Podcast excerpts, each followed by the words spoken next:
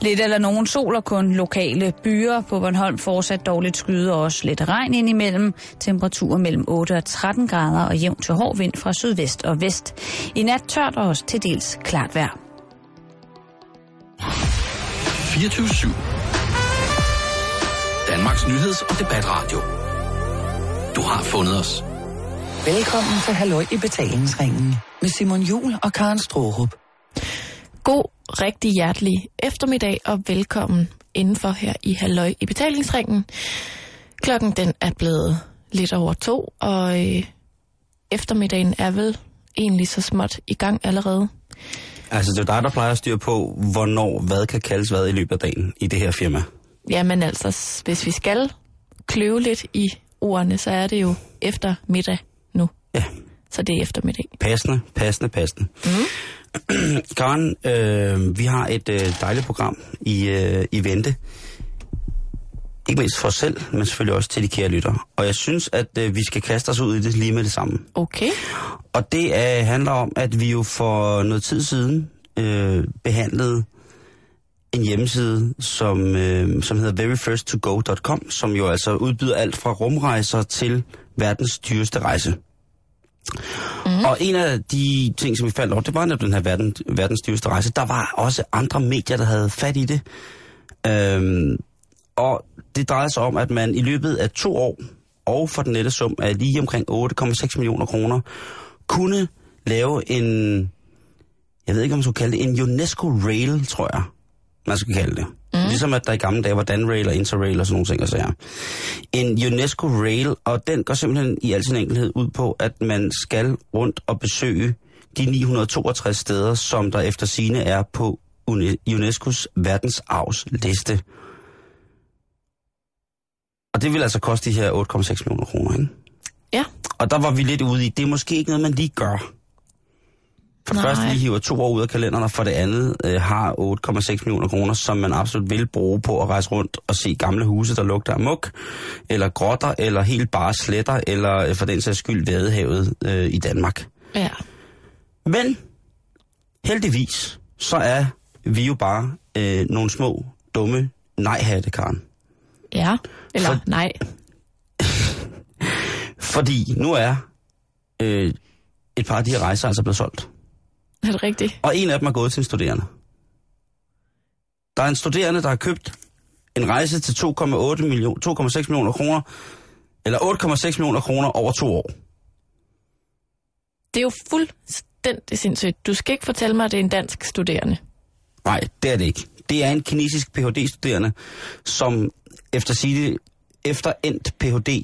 forsvar og forhåbentlig godkendelse af dette, vælger at ville rejse jorden rundt sammen med veryfirst2.com.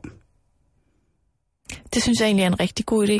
Det synes jeg også er en Det er da en skide god måde at fejre en PhD på. Det synes jeg. Ærligt talt.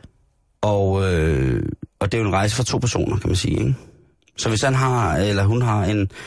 Køn, kønnet er der ikke meldt noget om, men øh, det skulle efter sine, sådan som jeg har kunne finde det, være en mand. Nu er jeg sindssygt dårlig ud i forskellige skrifttegn i kinesisk. Kan jeg faktisk ingen.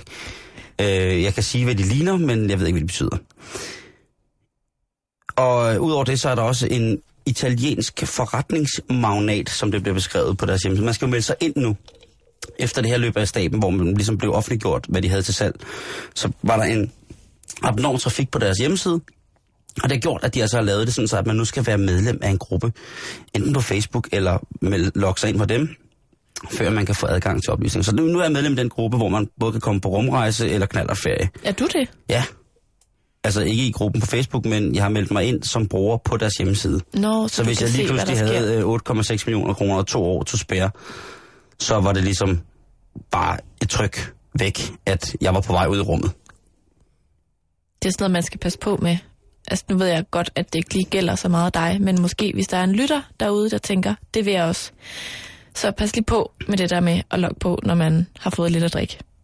Ja, det, Altså, øh, det kan blive meget dyrt. Eller byde, eller byde på noget for sjov. Ja, Det skal man altså også passe på med, ikke? ved du, hvad jeg engang har gjort? I en brændert. Nej. Nu vi er ved, ved det der med at købe ting, når man mm. har fået lidt ja. at drikke. Øh, jeg loggede på min venindes iTunes-konto øh, og købte alt, hvad der var at købe med Tina Turner. Det blev hun, din ven, forhåbentlig sur over. Jo. Gjorde hun det? Og jeg kunne ikke huske, at jeg havde gjort det.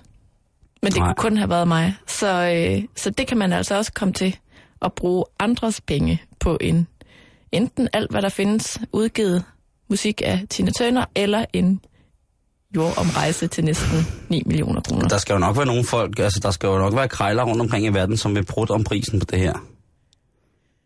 Når der sådan siger, du får ikke. Ej, 8,6 det kommer- millioner. Det kommer jeg ikke til at betale for det der. Det- 8? Hvor meget vil de så give? Jamen, du kan få 7. Kroner. Ja, du kan få, du kan få 7, ikke? Du kan få 7, 7, 8. Men du kommer ikke til at betale. Åh, næsten 9 for den der. Nu har jeg jo set weather. To gange. Noget Jeg har et andet- spørgsmål. Ja, Undskyld, jeg afbryder dig. sig det. Jeg kan ikke huske, om vi var inde på det sidste gang, vi snakkede om den her rejse, men står der noget om, om der er øh, for eksempel øh, mad og drikke inklusi- altså inkluderet i den her øh, pris? Nej. Men jeg går ud fra det, fra Karen. Det er jo sådan, at øh, jeg har lavet et lille regnestykke. Ja. Hvis man går ind på UNESCO's officielle liste over verdens arvssteder, så er der ikke mindre end 962 steder. Hold derop.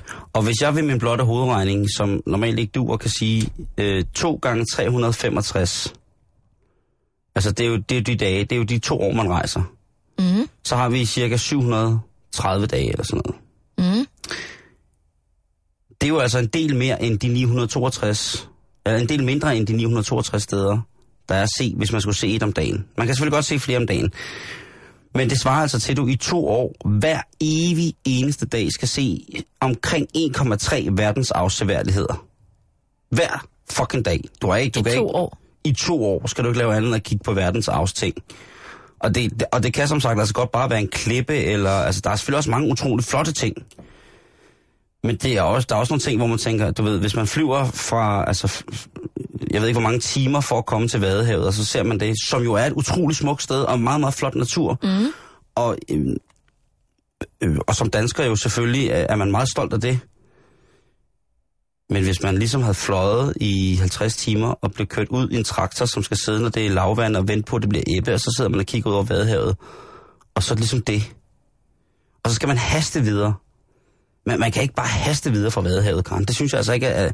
Og så tror jeg også, der er mange andre af de folk, som for eksempel sørger for at restaurere og bevare de her verdensafsteder. Mm. At, at det er lidt ligesom de her øh, cruisebåde, der ligger til havnen forskellige steder i Danmark, og så bliver der læsset en helt bus fyldt, altså sådan noget Carl Børges turistfartsbus, ikke?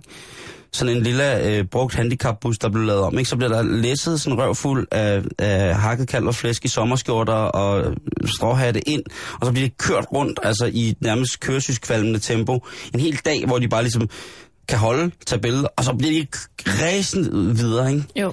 Jeg tænker, det, hvis det er en ferie, de siger jo, det er verdens dyreste ferie. Hvis det er en ferie, jeg synes ikke, det er en ferie, at man har noget, man skal Mm-mm. hver evig eneste dag. Endda 1,3 ting, man skal. Altså, hvis jeg havde ferie i to, altså, i to år, så ville jeg sgu i hvert fald også i hvert fald minimum have en 3-4 dage, hvor jeg slet ikke skulle lave noget. Ja. Og bare skulle ligge på et lækkert hotel, og undskyld mig udtrykket, pille mig selv i fjernbetjeningen og se noget dårligt fjernsyn. Jeg kan ikke lade være at tænke på, hvad nu hvis, at øh, programmet skrider? Hvad gør man, hvis der kun er en måned tilbage af det her program, og vi har kun nået 700 af de her steder? Man kan sige, at... Hvad gør øh, man så? En, ja, det ved jeg ikke, men altså en forskrift på selve hjemmesiden omkring den her rejse, hvis man beder at få tilsendt materiale om det, så vil det altså være sådan, at de skriver, vi kan kun introducere dig for de verdensafsteder, hvor til der findes business class connections. Altså, det vil sige, at man skal kunne flyve der til på business class.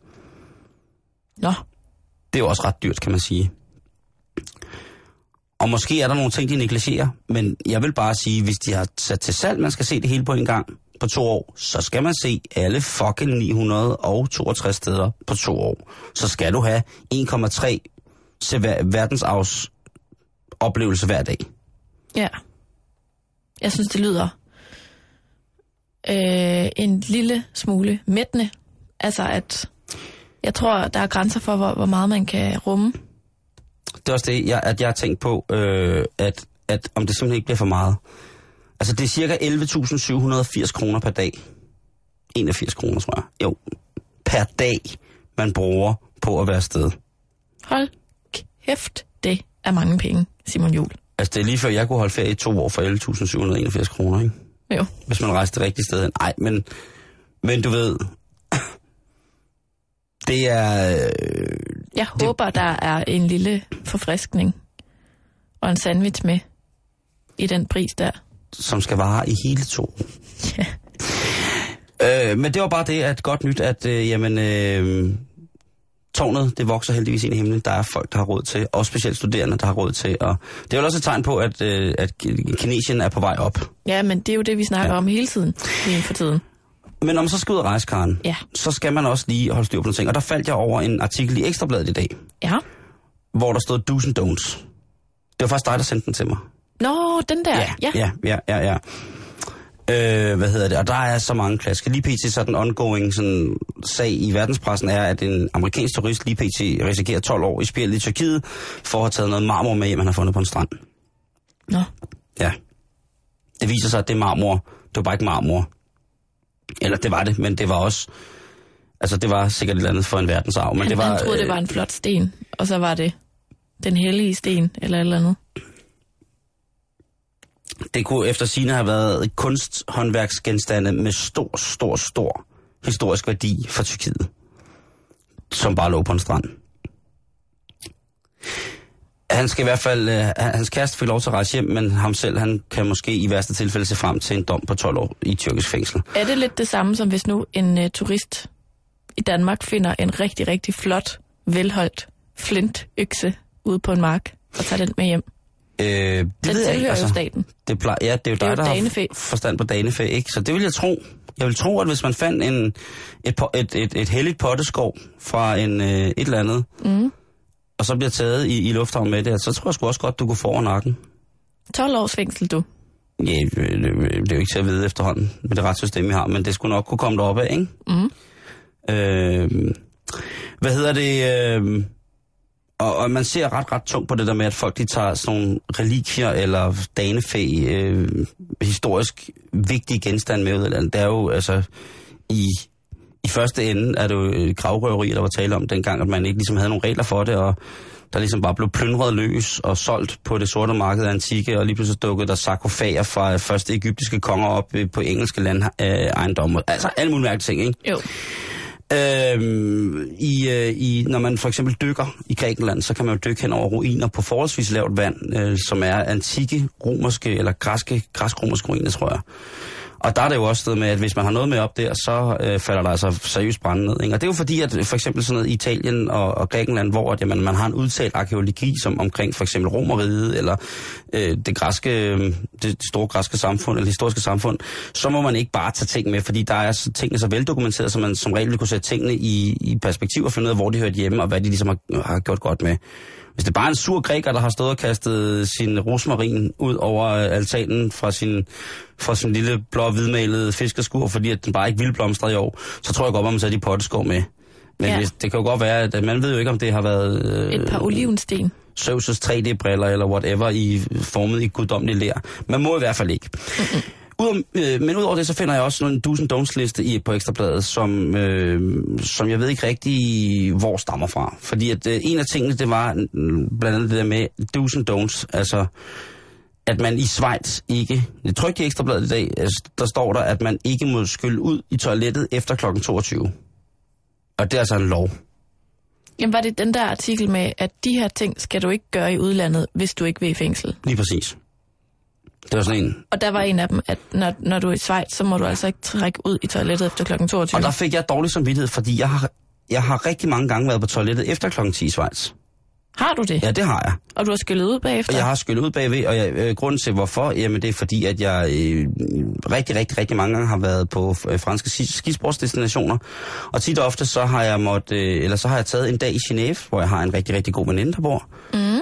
Og, øh, og hvad hedder det? Bare en dej, og så et, et fantastisk by, Genève.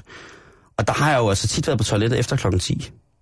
Så jeg må jo kontakte min svejtiske forbindelse og sige, prøv at høre, er det rigtigt, at, at man ikke må trække ud på, i toilettet efter klokken 10 i Schweiz? Er det, er det rigtigt, at det er vedtaget ved lov? Mm. Og øh, her får jeg så at vide, at øh, ej, det, det er faktisk det er ikke rigtigt. Det er ikke vedtaget ved lov. Men, Ja. Får jeg så også at vide, fra Schweiz i dag, tidligere i dag, får jeg at vide, der er rigtig, rigtig mange strenge restriktioner, når det kommer til for eksempel lejelejligheder eller lejehuse, altså ikke lejehuse, men huse, man kan lege. Mm. Og der kan sådan noget som for eksempel øh, almindelig ro og orden i bebyggelsen være en af de felter, der fylder aller, allermest i sådan nogle lejekontrakter i Schweiz. De er jo ordnung mod sein, Schweiz. De er jo Altså, hvad har de ikke haft overskud til? Hvis man er konspiratiker, som jeg er, Karen, jamen, så har Schweiz jo altså haft overskud til at, at gemme mange, mange, mange forfærdelige mennesker. Blandt andet penge, men også bare generelt forfærdelige mennesker. Ja. Øhm, og det er altså rigtigt, at, at der er meget sådan strenge husregler. Men man kan altså Ja. ikke komme i fængsel for Nej, at skulle og du op kan heller ikke få og eventuelt skulle tisse eller andet Nej. om natten. Nej, Så skal man altså lige trække ud. det skal man. Og det er, øh, som, øh, som en god ven i Schweiz siger, prøv at tænke på, hvor mange barer, biografer, caféer, restauranter, diskoteker, som ligger tæt på, eller i samme bebyggelse som private. Det ville jo ikke kunne lade sig gøre. Så, så lukker de alle toiletterne, og så triller de sådan nogle øh, festivaltoiletter frem. Hvor man ikke skal trække. Hvor man jo ikke skal trække op. Og det tror jeg jo ikke. Altså, du bliver jo nærmest sat i spillet, hvis du pisser i naturen i Schweiz, ikke? Så det slår de hårdt ned på. Det må man ikke. Nej, det er de trætte af. Og de er også virkelig, virkelig trætte af, hvis man, øh, hvis man råber højt, for eksempel. Hvis man har upassende sprog. Har du højt. prøvet det? Nej, det har jeg ikke, men jeg har set folk øh, blive bedt af politiet om at ikke tale så højt. Og det schweiziske politi, dem skal man ikke, dem skal man ikke prøve at løbe om hjørnet med. Nej. Ej, de er nogle, øh, de, de snakker jo schweizer, schweizisk, og de, jamen, det er meget, meget voldsomt, og de er, er ellers, øh, ellers bare glade. Mm. Det schweiziske folk er mit indtryk af det, og jeg elsker at være, være Schweiz. Men rolig, har man læst i Ekstrabladet, og har man lige øh, planlagt en fantastisk tur til Genève eller en anden schweizisk by, Lucerne, hvis man skulle ned og holde lang ferie der, så må du altså gerne besøge efter kl. 22. Men selvfølgelig sørg for at gøre det i god orden, sådan, så man ikke overtræder nogen på andre måder i forhold til stedet installerede retningsregler for, hvordan man skal bære sig efter mørkets frembrud eller efter Ja. børn er kommet seng. Derudover så finder jeg en, øh, en, en, en, hvad hedder det, en notits om, at hvis man øh, kommer til at træde på øh, pengesedler eller mønter i Thailand, så bliver man retsforfulgt, fordi det indeholder penge, ja, det indeholder et billede, øh, på pengesedlerne er der trykt et billede af den thailandske konge, mm. som jo er det største i Thailand på rigtig mange øh, områder. Mm. Noget af det fineste, de har. Øhm, og, og der vil jeg sige, Er det i samme artikel, at der står, at Ja. det kan man komme i fængsel Ja. for? Okay. øhm, som alle andre steder i verden, så har man en vis, en, en vis respekt for den lokale mændfod. Det har man også i Thailand. Man har også en udsøgt respekt for kongen. Men hvis du taber en pengeseddel, Mm. eller hvis du, hvis du taber nogle mønter ved at betale, og der for eksempel er et barn eller en, der kommer gående forbi, der ved et uheld træder på pengene, hvis for eksempel mønten ruller, så bliver du altså ikke sat i fængsel for det. Det var godt at høre. Ja, du skal nok ikke stille op og trampe og tisse på pengene og sådan nogle ting, og eller på nogen andre måde prøve at håndliggøre deres konge. Så kommer du galt afsted. Så ender du i et eller andet lille bitte hul træ ude i en thailandsk jungle, og der kan du sidde og visne, indtil at øh, du bliver spist af, af, af myg og klatre grønt. Tror jeg. Men altså det der med for eksempel, eller hvis pengene blæser væk, og man fanger det med foden, Ja, så er det heller ikke farligt. okay. Øh, men selvfølgelig skal man, og specielt ikke hvis du er for lang, hvis du er, hvis du er en hvid mand, og ikke ligesom ved det, og du, det var ikke med vilje, eller det var sådan, så skal du ikke, hvis du som hvid mand sætter dig ned og skider på 100 bat, så skal du nok regne med, at du kommer til at skide ud af et hul i kinden resten af dine dage. Det skal man lade være med. Det er, det er simpelthen et symbol på, hvad kongens velfærd har givet landet. Det er de penge, hvor han selv er på. Så, men Ja. altså, hvis man i nødsituation træder, kaper eller griber penge, jamen så er det altså ikke øh, noget, man kommer i spillet af.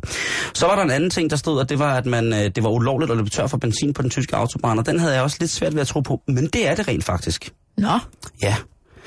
Øh, fordi hvis man løber tør for benzin på den tyske autobahn, så er det et udtryk for, ifølge tysk lovgivning, for at man ikke har kontrol over, hvad det er, man laver i sit køretøj. Hvis man ikke ved, hvor man skal køre hen, og ikke har sørget for, at der er benzin eller diesel nok på dit køretøj, så kan man faktisk godt få en bøde for det. Der står så også, at man får en bøde for at gå på, på motorvejen eller på nødsporet. Det er jo det samme som i Danmark, at man skal ikke færdes på nødsporet, medmindre man har, har, har grund til det. Men man må, hvis man går helt tør og sådan nogle ting og sager, og drejer ind i nødsporet, jamen så er det alarmbling på, og så er det at via mobiltelefon eller opstille nødtelefoner og ringe. Og husk at gå i en, det der hedder en signalvest. Altså en, en vest i en prangfarve med gerne med reflekser på, øh, mm. så alle andre trafik, trafikanter kan se det. Men tyskerne kan, det tyske Volkspolizei kan faktisk godt give dig en bøde for at holde i nødsporet og løbe tør for benzin. Fordi så er du ikke styr på, Fordi hvad du så laver. er du en idiot. Ja, så er du en klaphat, som om det ikke var pil nok i forvejen. Ja. Egentlig en fair deal. ja, på en måde. Egentlig en fair deal, Karen. det, så husker man, altså, Det er lidt en fjollet ting at løbe tør for benzin. Ja. Noget andet for lige at komme tilbage til Schweiz, hvis, når vi nu er i trafik, og lige har snakket om Schweiz, det er, at det schweiziske trafikpoliti, de er ligeglade. Dem har jeg fået bøder af mange gange. For hvad dog? For at køre 5 km for stærkt, eller 3 km for stærkt. Ja, men så kan du lære det, Simon. Ja, det kan jeg kraftet med. Og de er faktisk ligeglade. De starter på 50 Schweizerfrank, og så efterhånden, hvor dumme spørgsmål man stiller, så kan de finde på at bare skrive den op af. Hvorfor nogle spørgsmål stillede du? Ja, eller en dum undskyldning, ikke? Mm. Jeg så det ikke på speedometeret, jeg blev, så var du bare dum. Skal du køre bil, så får du bare lidt mere oveni. Det er meget fint. Ja, det, Ja. det er sådan dejligt øh, nemt at forholde sig til, ikke? Ikke for meget dialog. Men det lyder som om, det var en rigtig god artikel, Ekstrabladet har lavet i dag, Øh. med masser af forkerte facts. Masser af frygt, masser af frygt. Men også selvfølgelig nogen, der er rigtige. Det er sådan lidt en quiz. Ja. Yeah. Hvor stor en procentdel af disse påstande er sande? Ja, man kan, ikke, man kan ikke vide det. Nej. Man kan ikke vide det. Simon, det er en ganske særlig dag i dag. Som, som det, mange siger du, andre. det siger du hver dag. Ja, og det kan det er jeg fordi- godt. Din, din, din ivrighed omkring dagene, øh, den er, øh, står mig meget nært. Det jeg da virkelig glad for. Ja, det er jeg glad for. Jeg sørger lige for at opdatere dig på, også på, hvad det er for en dag Det skal du bare generelt og gøre. Om det er en god dag, eller... Nej, men det er fordi, at øhm, det er i dag verdensdagen for bøger og copyright. Yes. Det er altså endnu en øh, FN-mærkedag. Og dem kan vi jo godt lide i vores program. Ja, Fordi de er lige med til, og hvad skal man sige, om ikke andet, gøre, at man bliver opmærksom på nogle ting i går. Meget, meget, meget øh, dumt.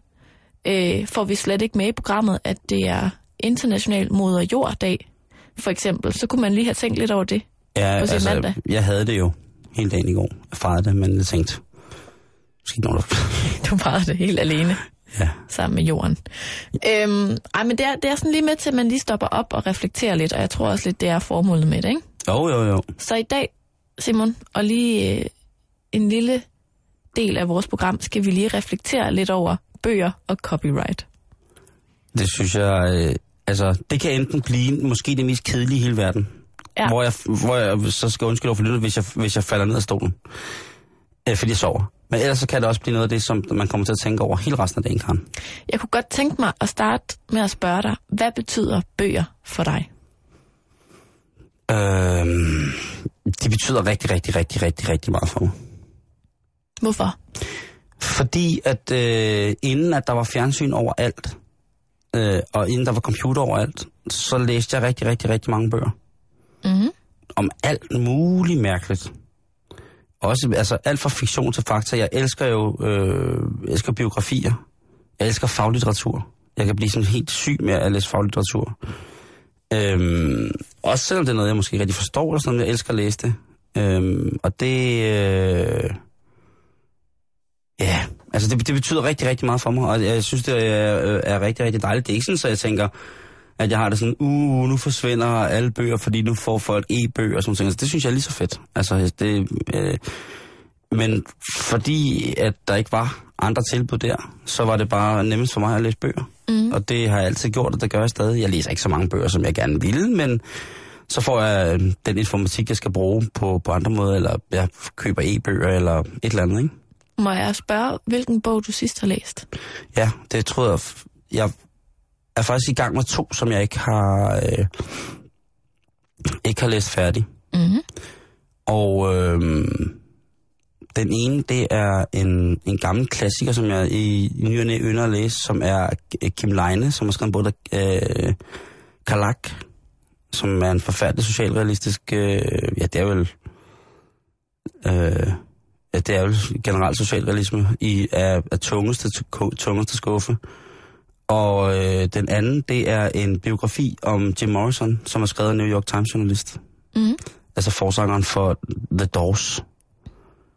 Øh, og de to ligger sådan på, på natbordet og er med i, øh, i sådan en tur, gå for den. Ja. Øhm, og det er nogle bøger, jeg har... Jeg startede med at læse dem samtidig for... Hvornår? Det har været, det har været i påsk. Og har ikke rigtig fået noget som er sammen til at læse dem færdig. Og det er måske også fordi den ene... Jeg, jeg er faktisk lidt skuffet over den Jim Morrison-biografi. Den var blevet prist til toppen. Mm. Og den er øh, øh, lidt fattigt skrevet, og jeg synes, at øh, i forhold til, når man har læst andre biografier af Jim Morrison, så mangler der nogle sådan knudepunkter, som mange andre journalister har været enige om, at det jo ligesom var nogle knudepunkter i hans liv. Øh, det er negligeret på en måde den her roman, som om, at nu vil, eller i den her biografi, som om, at nu vil han bringe nogle ting frem, som var vigtigere end det alle andre har bragt frem. Men det er bare ikke understøttet godt nok i forhold til, hvordan han har fortalt historien. Nej. Og det irriterer mig lidt. Øh, og den anden, øh, Kim Leine, den har jeg læst øh, to-tre gange før. Den er simpelthen så velskrevet. Han kan jo skrive bøger, som man får ondt i maven. Mm. Øh, altså, det er sådan lidt i samme... Jeg slår altid slag for det, men jeg synes, man bliver nødt til nogle gange at læse noget socialrealisme, der er så voldsomt, at man får det virkelig, virkelig skidt. Ikke? Altså, hvis man læser Herbjørg Værsmo, så kan man få nogen samme fornemmelse i kroppen. Øh, Mm. Vred, vred, vred. Øh, dame, ikke? Øh, men nok det, det største roman, eller største bog, har nok været den der Et glas mælk, tak, ikke? Som jo blev øh, til en forfærdelig, forfærdelig film. Øh, eller og fantastisk, fantastisk film, ikke? Øh, som hedder en Dinas bog, tror jeg. Mm. Øh, jeg er ikke sikker. Måske. Altså, Dinas bog er en bog. Ja, men det hedder den heller ikke. Den hedder Breve... Åh, oh, det er også irriterende. Øh, anyways, det er det, som jeg læser lige nu. Ja. Ja.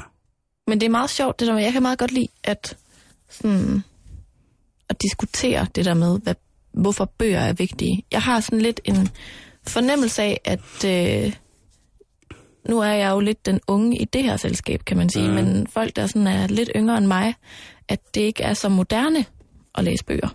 At Ej. det ikke er sådan, lidt som du siger, at der er kommet måske lidt for mange alternativer, eller sådan, det er nemmere bare at se fjernsyn og blive underholdt på den måde, eller mm. hvad skal man sige, at du behøver ikke at bruge din hjerne på samme måde, når du ser fjernsyn, som når du læser en bog. At dit hoved er mere på arbejde, ikke? Ja. Det er meget Ja, sjovt. Jo, altså. Øhm, Hvad kigger du efter? jeg kigger efter, øh, det var sådan, der har skrevet Dinas bog, ikke? Øh, så skrev hun, øh, den første jeg læste af hende, det var et glas mælk, tak. Øh, og nu skal jeg bare lige finde ud af... Øh, det er jo en forfærdelig bog også. Øh, Forfærdelig god.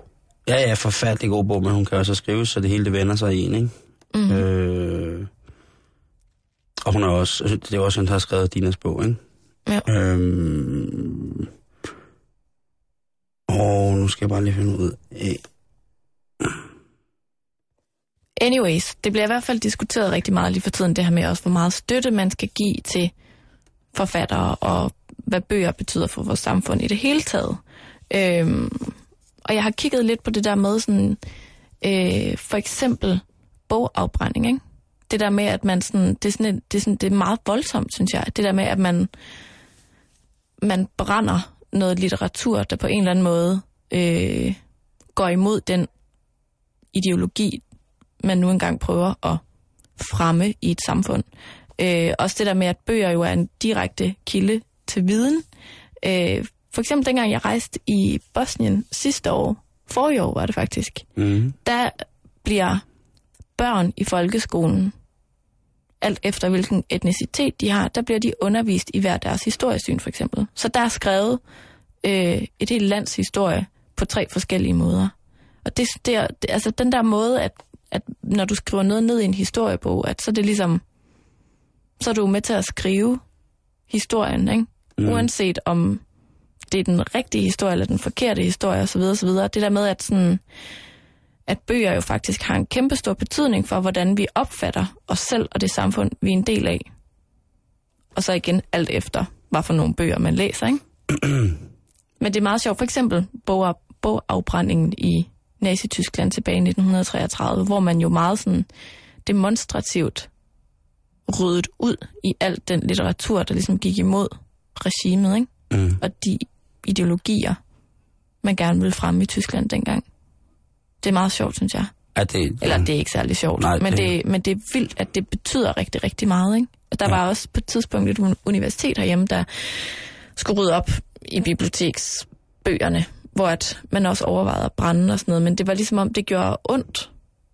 Tanken om at brænde en masse bøger, det kunne man ligesom ikke, så, så de blev solgt og foræret væk i stedet for osv. Så, så det, det, altså, bøger har bare sådan en ret stor værdi, og sådan symbolsk for rigtig, rigtig mange mennesker. Jeg kunne også godt tænke mig at læse nogle flere bøger. Det får jeg kun gjort sådan ordentligt, når jeg er på ferie, faktisk. Øh, Læser du så ikke noget nu? Jo. Hvad læser du så nu? Lige nu, der er jeg i gang med en bog, der hedder Ruska, som er skrevet af Edward Rutherford, som er sådan en, øh, en, en, hvad skal man sige, en slags historisk roman, der er lavet to bind, tror jeg. Jo, to bind, som gennemgår 1800 års historie i Rusland. Den er mega god, Det faktisk. lyder også som noget barsk stats. Ja, altså, men så er den skrevet helt vildt smart, fordi at hvert kapitel ligesom afrunder en fortælling. Så det er næsten som at læse en masse små noveller, men som så bliver bundet sammen i klaner og historie og områder i Rusland osv. Altså, Altså, jeg kan også godt til et begreb af sådan noget populær litteratur, ikke? Fifty Shades of Grey. Ja. Øh, den er i hvert fald købt. Mm. Og øh, om ikke andet, så havde jeg tænkt mig at læse den, for øh, om ikke andet, så tænkte jeg, at jeg, kan skrive noget, der er bedre end det der. Så bare handler om, om, om, om, om en eller anden dame, der bliver bundet ned i en kælder, ikke? Mm.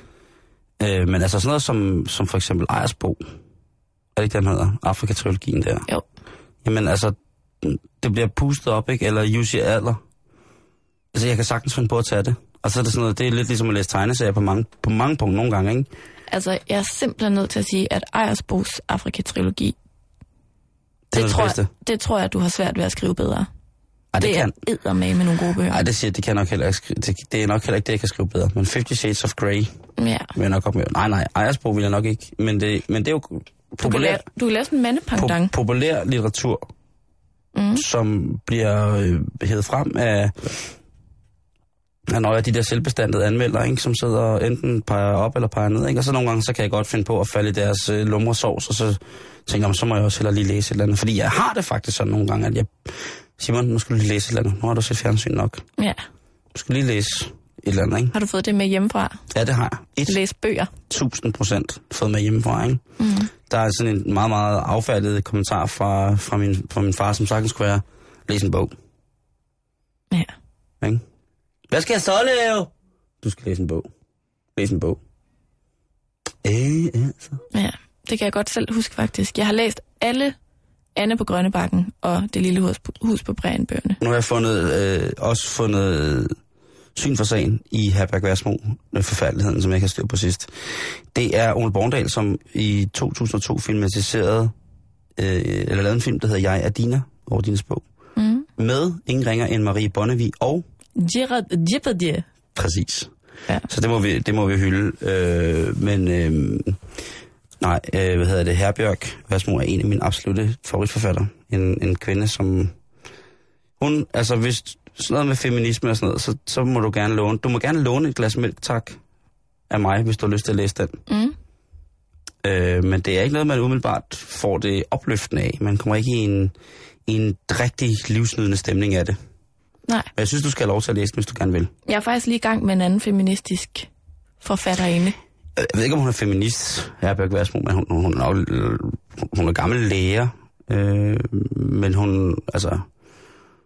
Øh, siden hun udgav sin debutroman, har hun åbenbart været, været hot shit. For det var sådan set en af mine kammeraters far, som introducerede mig til hende. sagde, Det her, det er, det er stærke løjer, du.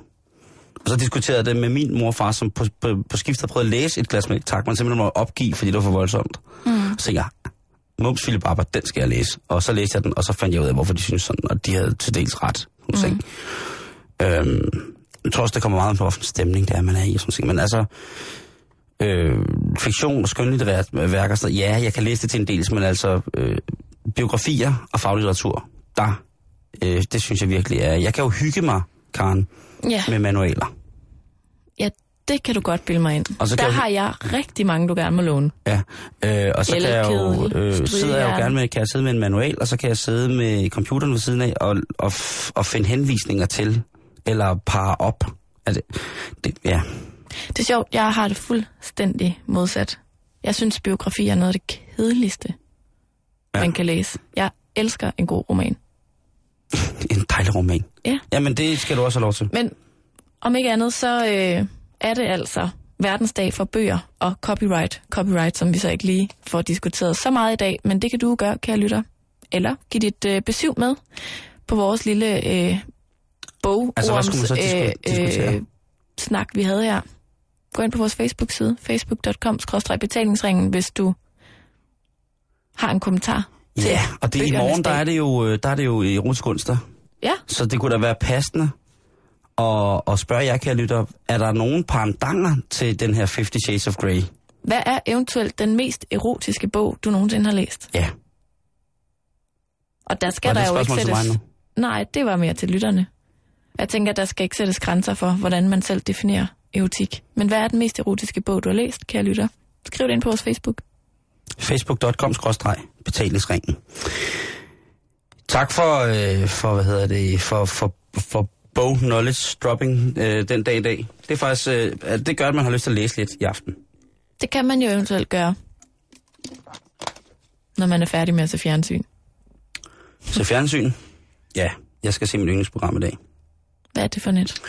Jamen, øh, det er det program, øh, hvor der er nogen, der laver mad til hinanden. Dem er der eddermame med mange af. Præcis. Så må man selv regne resten ud. Øh, Karen, øh, er du nogensinde blevet tilbudt lattergas i byen, som, et, lille- altså, som sådan en shot? Øh, nej, det er jeg ikke. Nej. Men det er der åbenbart rigtig mange, som... Øh, jeg troede ligesom, det var en deal, der var over. Øh, jeg prøvede lattergas for nogle år siden, for mange år siden, tror jeg. Øh, hvor det ligesom var sådan... Det er jo det, man får, hvis man er til tandlægen, eller hvis man skal bedøves, eller i narkose, eller sådan noget. Så det er jo noget, der bedøver. Mm. Men det er åbenbart øh, aldrig rigtig sluppet nattelivet. Det er nok så bare mig, der har sluppet nattelivet. Men nu er det åbenbart blevet populært og på forskellige beværtninger at kunne øh, skrabe sig et slag lattergas øh, indenbords.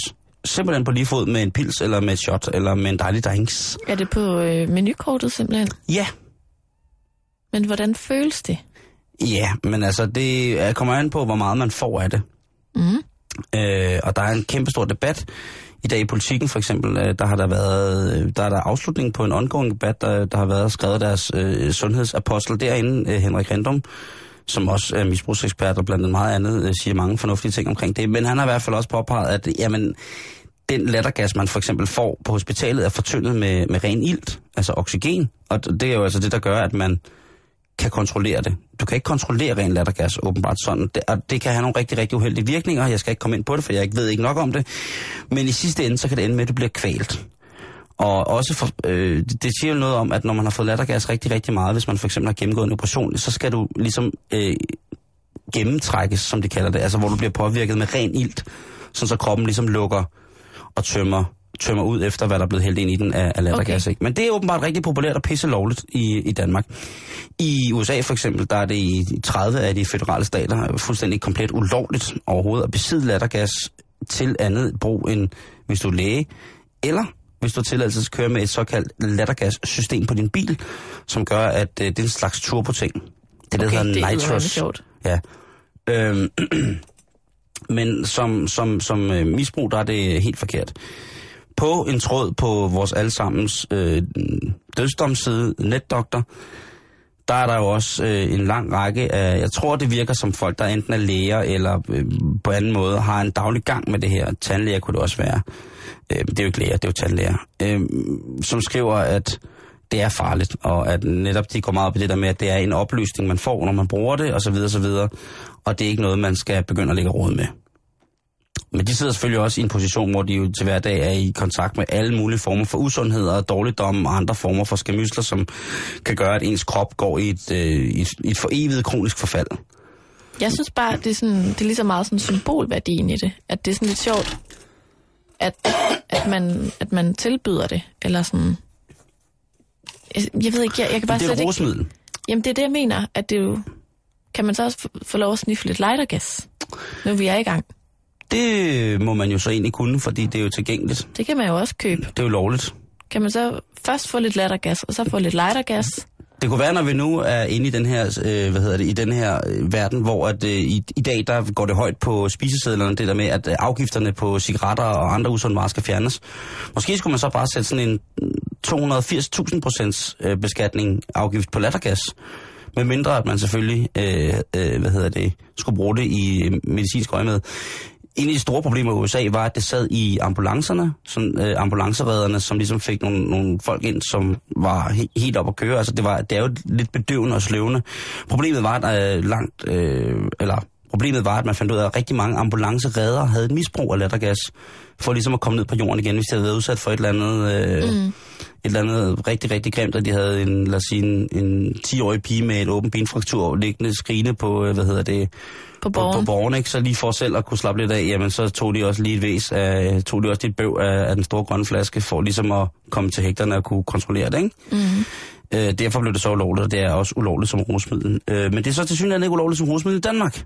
På den måde, hvis man kan få fat i det. Og en af de måder, man kan få fat i det på, nu kan det godt være, at det bliver for- forfærdeligt, og vi ligesom opildner, men det er via øh, øh, gas til sifoner. Altså ting, som man bruger. Øh, en sifon er sådan en, man, øh, man, har, man måske ser på caféer, som der kommer flødeskum ud af, hvor man hælder fløde ned i, man skruer et låg på, som lukker tæt, og så sprøjter du det her øh, lattergas ned i flødeskummen, og så den her, øh, det her overtryk, der gør det, øh, der kommer i flasken, det gør, at der ligesom bliver dannet flødeskum, at det bliver iltet mm, på en eller anden måde, og så kan man sprøjte det ud. Sådan nogle patroner. Lige præcis. Jeg har engang prøvet at putte for mange patroner i sådan en flaske. Ja, Det skal man passe på med. ja. Man må heller ikke komme det i hunden.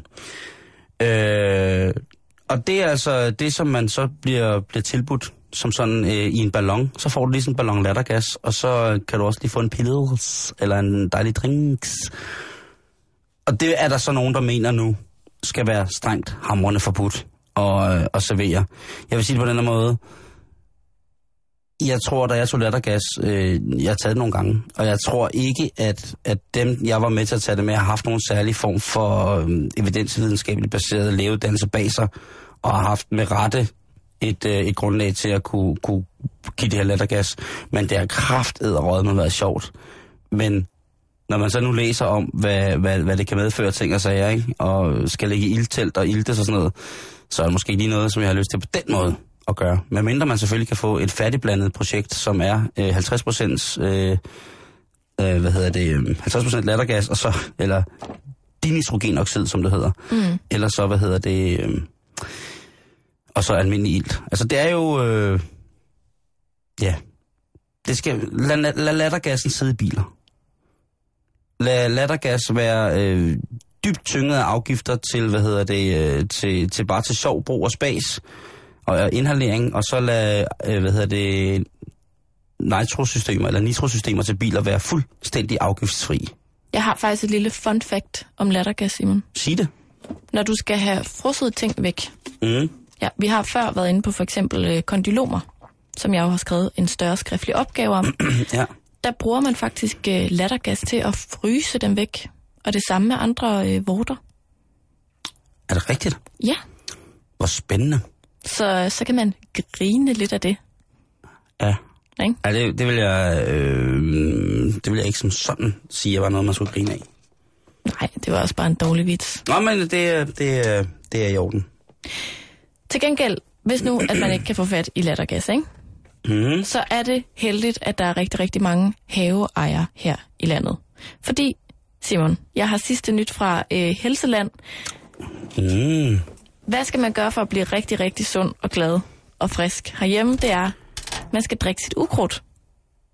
Ja, det skal man så ikke. Fordi det viser sig, at ukrudt det er fyldt med næringsstoffer, vitaminer og mineraler.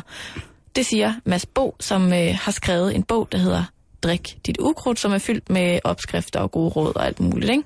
Jeg kan, man jeg lige... kan simpelthen ikke stole på ham, Hvorfor? for jeg har to navne øh, med Bo i, og jeg har to rigtig, rigtig gode venner, som hedder noget med Bo og Ja. et andet navn. Og dem er, der er kun plads til to af dem i mit liv. Okay.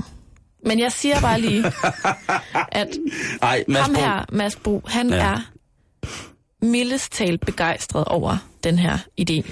Øh, han udtaler i en artikel til Politiken, og jeg citerer, Jeg er helt op og køre over det. Drikker man en friskpresset juice med brændnælder, kan man mærke det helt ned i lille tåen. Det er råt og komprimeret, og det er fyldt med livskraft og sollys. I den grad levende mad. han er jo helt væk fra dørtelefonen. Han der. mener, at juice med ukrudt er op til 200 gange så sund som almindelige grøntsager. Og, og hvad ligger der til, til grundlag for lige præcis den udtalelse? Er der nogle, nogle analyser, nogle former for tests? Jeg nogle, tror, han har i hvert fald testet det på sig selv, ikke? Jo, og han har fået det 200% bedre. Det har han. Og det er ikke, det er ikke for at have nej-hatten på, men der, der tror jeg, at altså, jeg smagte en gang øh, noget, som skulle være så vitaliserende, så kan man næsten ikke kunne være i sig selv bagefter. Ja, Og det var græsjuice. ja. Det var det værste lort, jeg nogensinde har hældt i hatten. Jeg og har jeg aldrig smagt fandme det. hældt meget lort i hatten. Jamen, det smagte fuldstændig forfærdeligt. Det smagte ligesom lugten af våd, dårlig græsplæne. ja. Bare tilsat lidt sådan græs, øh, plæneklipperolie. Men det der... Det Det der smagte forfærdeligt. Og ham der tossen, der stod sådan en helt hvid dragt, sådan en helt hvid stram polo med hvide bukser, og så kiggede på os sådan, sådan en smil, sådan nogle kæmpe store øjne, sådan nogle øjne, der nok mere var sådan, "Haha, nu drikker de det, nu drikker de det. Og så drak jeg det der, og så kunne jeg jo godt se på mig, at det smagte, det synes jeg ikke var. Og så var han sådan, det er godt, ikke? ja så nægtende. Tænk på hvor mange fibre, og tænk på, hvor meget, ved du hvad, tænk på, hvor meget du bare skal hælde det der tilbage dig selv, fordi det smager forfærdeligt. Anyway, så er der i hvert fald rigtig mange, der påstår, at det er mega, mega sundt. Ja, ja. Og hvis nu man er faldet over den her artikel, kun lige har læst rubrikken, hvor der mm. står, drik dit ukrudt, Mm. så vil jeg bare lige informere om, at der altså er en kvinde i selv samme artikel, som er redaktør på havenyt.dk, Karna Maj, og hun siger, at man skal også lige passe lidt på, at man ikke bare går ud og plukker alt, hvad man kan finde i sin have, fordi at man kan altså godt komme til at forveksle øh, for eksempel ramsløg med, øh, med nogle meget, meget, meget giftige løgplanter. Ja, mine løg. Jeg ved ikke, om man kan forveksle din løg med ramsløg. Det ligger sådan som en lille kugle nede i jorden. Ja. Mineløg.dk Skal i hvert fald ikke drikke din løg. Ja, hov, hov, hov, hov, hov. I hvert fald, så pas lige på med bare sådan at gå ud og plukke alt, hvad der plukkes Ja. kan. Fordi at lige pludselig, så, øh, så har man været inde og rode med noget mængde og noget Det kan jo være, at Mads Bo, halløj, og så jo, bliver man rigtig, rigtig syg. det kan jo simpelthen være, at Mads Bo har gjort lige netop det, og så simpelthen derefter øh, har mistet al form for fornuftig dømmekraft, og nu blender og koger alt, han har i haven. I morgen der kan vi læse, at øh, en Weber-grill fra 2006 øh, stadig vil give fantastisk overflade på din hud, hvis du koger den i 20 minutter ved ca. 60.000 grader på Mars. Han siger, han siger følgende, fordi at han er faktisk enig med hende her, Nå. Karen og mig, Nå, nå, at man nå, skal nå. lige drikke sit ukrudt med måde. Ikke? Ja, jo, det skal du Selv da. drikker han kun to glas friskpresset juice om dagen. Men det har han til gengæld så gjort i halvandet år, ikke? Og han siger, et råd til alle er, at man skal huske at rotere, så man ikke drikker det samme dag ud og dag ind. Der er små mængder af giftstoffer i de fleste planter, og det er intet problem, på nær hvis vi får for store mængder. Dyr spiser af samme årsag varieret. Så du må ikke spise brændnældesuppe, brændnældesmoothies med ramsløg og Jamen altså, jeg, mælkebøtte hver dag, Simon. jeg drikker jo en, en kæmpe stor kløvershake hver morgen, Karen. med, med Erant, eller min Erantis smoothie. Den, øh, den, jeg blender jo løs hver Ja. morgen, og jeg tænker, jeg har da også haft lidt mær- mærkeligt med, med her. Ja, øh, eller bare... det er stærk øh, kost. Ja, øh, fint hakket bark. Jeg ved, jeg ved det ikke, men generelt, når folk siger til mig, at der er jo små øh, spor af giftstoffer i alle ting. Ja, det ved jeg godt. Men det eneste, jeg spiser, hvor jeg ved, at der er en tilstedeværelse af en gift, som på en eller anden måde giver et boss, det er den japanske ufuku, som er giftfisken, som jeg ved to meget, meget specielle lejligheder, som jeg ikke skal komme nærmere ind på her, har fået lov til at, at få og spise i Japan. Og der bliver man sådan lidt bims, sådan lidt... Man bliver vel lidt singy, Ja. tror jeg, hvis man, øh, hvis, man, hvis man spiser det. Det må være det samme her. Øh, med, hvad hedder det, øh, med hvis man drikker af, af, af græs, øh, græstingen. Øh, tak for det. Ja, velbekomme. Har du en, en speciel øh, forsblomst smule, du kan anbefale, uden at der er nogen af os, der får dårlig mave, eller på andre måder skal i kontakt med det danske hospitalsvæsen, så synes jeg, du skal øh, komme frisk og skrive det ind på vores øh, hjemmeside på øh, Halløj Betalingsringen, altså facebook.com øh, betalingsringen. Det vil da være rigtig, rigtig dejligt. Karen, inden vi slutter i dag, så skal vi runde noget, som vi normalt ikke runder så meget her i, i, i betalingsringen. Mm. Og det er jo, at i aften så er der øh, fodbold. Ja. Øh, og det er jo ikke noget, vi går så skide meget op i her i radioprogrammet. Øh, men jeg synes bare lige, at øh, i dag, der er det jo den kamp, der bliver talt meget om, det er øh, Bayern München og FC Barcelona. Ja. Og der synes jeg bare, at vi danskere skal vide, eller når vi sætter os ned og ser, om man er, er FC Barcelona-fans øh, fan eller ej, så synes jeg bare, at man skal vide, at øh, vi som danskere har en stor andel i, at øh, nummer 10, Lionel André Messi, han løber rundt på fodboldbanen i Barcelona i dag. Og det vil jeg lige bruge øh, de sidste par minutter herop til øh, nyhederne på, og lige fortælle om hvorfor. Fordi Spændende. øh, Lionel Messi, han er jo en, en dejlig mand på mange måder, men han er jo også et fænomen. Ved du, hvem det er overhovedet? Ja. Jamen, det ved jeg godt. Ja, argentinsk fodboldspiller, ikke? Yes. Øh, og øh, fra Rosario i Argentina, og verdens bedste fodboldspiller, og han laver ikke andet end mål, mål, mål, mål, mål, mål, mål, mål. Men Lionel Messi, han har ikke altid været sin øh, fulde 1,65 høj. Han har faktisk haft nogle problemer, og det havde han faktisk allerede, da fra han var helt lille, da han startede med at spille fodbold. Og det krævede, at han fik en, han har, det har det, han har det, der hedder en, en kondition, som bliver betegnet som en vækstforstyrrelse. Og den vækstforstyrrelse, den kunne man jo, kunne hans farmor jo godt se, at han ligesom havde gang i, men de kunne ikke rigtig gøre noget, fordi behandling for lige præcis det, det medicin, han skulle have, eller det hormon, han skulle have, for ligesom at komme i gang med at udvikle sig, jamen det kostede på daværende tidspunkt omkring 950 dollars, eller det der svarer til næsten i dag 4.500, og dengang sikkert mere, øh, kroner om måneden. Og Lionels far, han var støberimedarbejder, og hans mor arbejdede på deltid som rengøringsdame, så du ved, han, de havde ligesom fire søskende, så det skulle du også ligesom holde styr på, ikke? Og Lionel skulle både gå i skole, og det skulle hans to brødre og hans søstre jo også, og have mad og alt muligt. Så de var ligesom bare derhjemme. Øh, da Lionel han er 10 år gammel, så løber der så et rygte fra, hvad hedder det, øh, fra den her fodboldklub, hvor han spiller, som er hans fars gamle fodboldklub, at øh, det, der løber altså en gut rundt på 10 år og spiller helt afsindigt godt fodbold, og har en fornemmelse for, for spil, og, spil og flow og sådan noget, som ingen nogensinde har set før. Mm. Og det gør, at, øh, at Barcelona, FC Barcelona, hvad hedder det, øh, talent spejder, man vil ligesom kommer ned, de har også et sådan fodboldakademi, og kigger på, øh, på det her øh, fænomen, og siger, at det er godt nok vildt med ham der. Men forældrene synes jo ikke rigtig, at de tillader sig at lade Lionel slippe væk, fordi han jo har problemer med, med, med at vokse og sådan nogle ting, og så det kan på længere sigt give nogle andre problemer.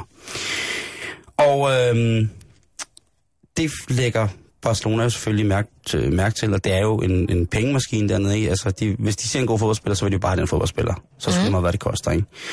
Og der, øh, og der, hvad hedder det, der går de så i gang med at, at forhandle med forældrene og sige, prøv at høre, hvis Lionel han flytter til Barcelona og starter på vores fodbold, fodboldakademi, så betaler vi behandling. Men han var ikke så gammel, så han skulle ligesom have sin far med. Han har boet lige så lang tid i øh, Rosario, hvor han er fra i Argentina, som han har boet i Barcelona faktisk. Nå. Øh, og øh, så får han så, øh, hvad hedder det, debut på Barcelonas hold under, under Frank Rijkaard, og ja, så er resten jo historie. Men den behandling, der var så dyr, med det produkt, han skulle have, den stammer fra Novo Nordisk. Yes. Yes, ikke også? Og, Sådan. øh, øh, Norditropin hedder produktet, som Lionel Messi i hele sin voksalder har været dybt afhængig af, og betalt af Barcelona til ham. Sejt. Ja, ikke? Og Så det skal vi tænke på i aften, hvis øh, man gider at sidde og sætte sig ned til fodbold, så skal man tænke på, at uha, der løber en mand, som har været, været afhængig af, øh, af os herhjemme, Novo Nordisk. det er jo næsten os, Det vi, Karen altså, og Simon. tænk på, hvor meget dansk... Skyld. Man skal tænke på, hvor meget dansk der er oppe i Lionel Messi i aften, når han øh, løber ind på banen og forhåbentlig hjælper sit hold med til at gøre en god figur. Vi når ikke med i dag, Simon. Nej. Og nu skal vi have et nyhedsoverblik her fra Radio 24 Nyhederne.